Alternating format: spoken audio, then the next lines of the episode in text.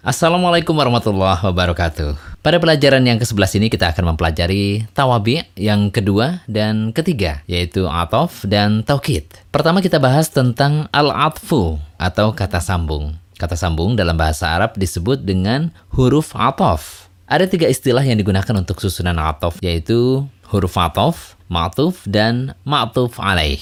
Huruf matof adalah kata sambung, kemudian ma'tuf adalah kata yang disambungkan. Sedangkan ma'tuf alaih adalah kata yang dijadikan sandaran untuk disambungkan. Contohnya, Qoma Zaidun wa Ahmadu. Zaid dan Ahmad telah berdiri. Maka wa adalah huruf matof dan Ahmadu adalah ma'tuf dan kata Zaidun adalah ma'tuf alaih yaitu kata yang dijadikan sandaran ma'tuf.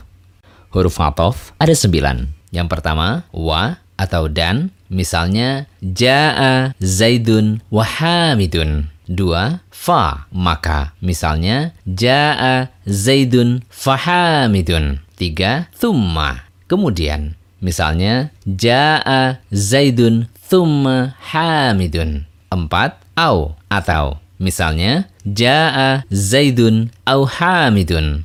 Lima, am, ataukah. Misalnya, Aja'a Zaidun am Hamidun.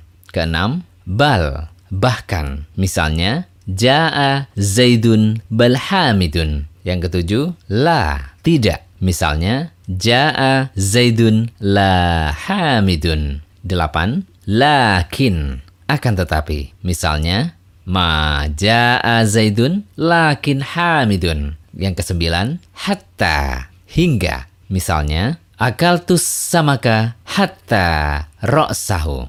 Kaidah yang berlaku pada atof ma'tuf hanya ada satu, yaitu wajib sama dari sisi i'rabnya saja. Apabila ma'tuf alaihnya marfu, maka ma'tufnya wajib marfu. Dan apabila ma'tuf alaihnya mansub, majrur atau majzum, maka ma'tufnya wajib mengikutinya. Silakan perhatikan contoh-contoh berikut.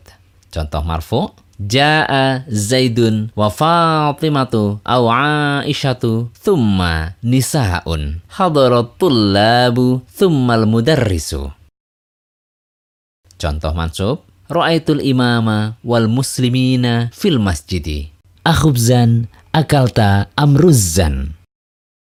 Contoh majrur Marortu bit tullabi wal mudarrisati ta'allumul Qur'ani was sunnati muhimmun.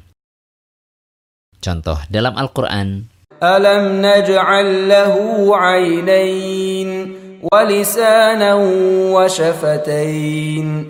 Quran surat Al-Balad ayat 8 hingga 9. يا صاحبي السجن أأرباب متفرقون خير أم الله الواحد القهار؟ Quran Surat Yusuf ayat 39 فمن كان منكم مريضا أو به أذى من رأسه ففدية من صيام أو صدقة أو نسك Quran Surat Al-Baqarah ayat 196. Pembahasan yang selanjutnya, keterangan penguat atau taukid. Taukid yang dimaksud di sini bukanlah penguat dari sisi makna, seperti penggunaan kata inna yang bermakna sungguh, tetapi khusus untuk penekanan dengan kata-kata berikut ini. An-nafsu. Contohnya, qama zaidun nafsuhu.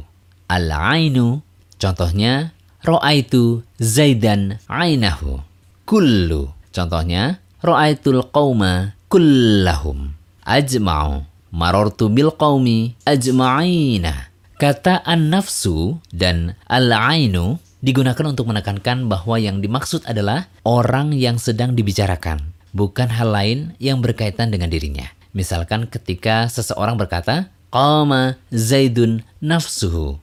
Maka kalimat ini menekankan bahwa yang berdiri adalah si Zaid, bukan anaknya Zaid, istrinya Zaid, atau hal lain yang terkait dengan Zaid. Adapun kata kullu dan ajma'u bisa digunakan untuk menekankan bahwa objek yang tengah dibicarakan adalah seluruhnya, bukan setengahnya atau sebagian darinya. Kaidah yang berlaku untuk taukid adalah taukid harus sama i'rabnya dengan kata yang diperkuat.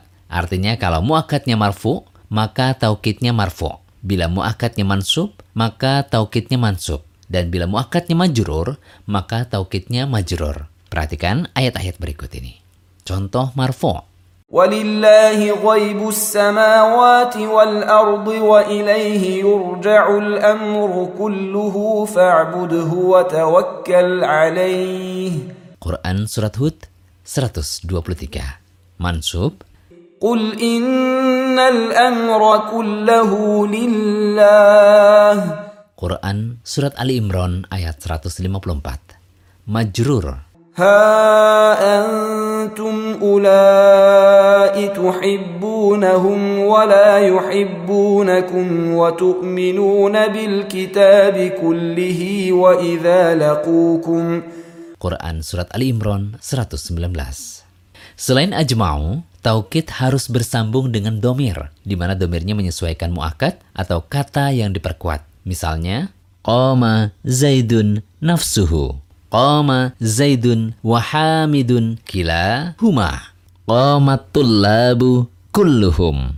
Adapun ajma'u, maka tidak perlu bersambung dengan domir. Misalnya, hadaratul labu ajma'una. Contoh lain dalam Al-Quran, فسجد الملائكة كلهم أجمعون Surat Al-Hijr ayat 30. Demikian vers yang ke-11. Semoga bermanfaat.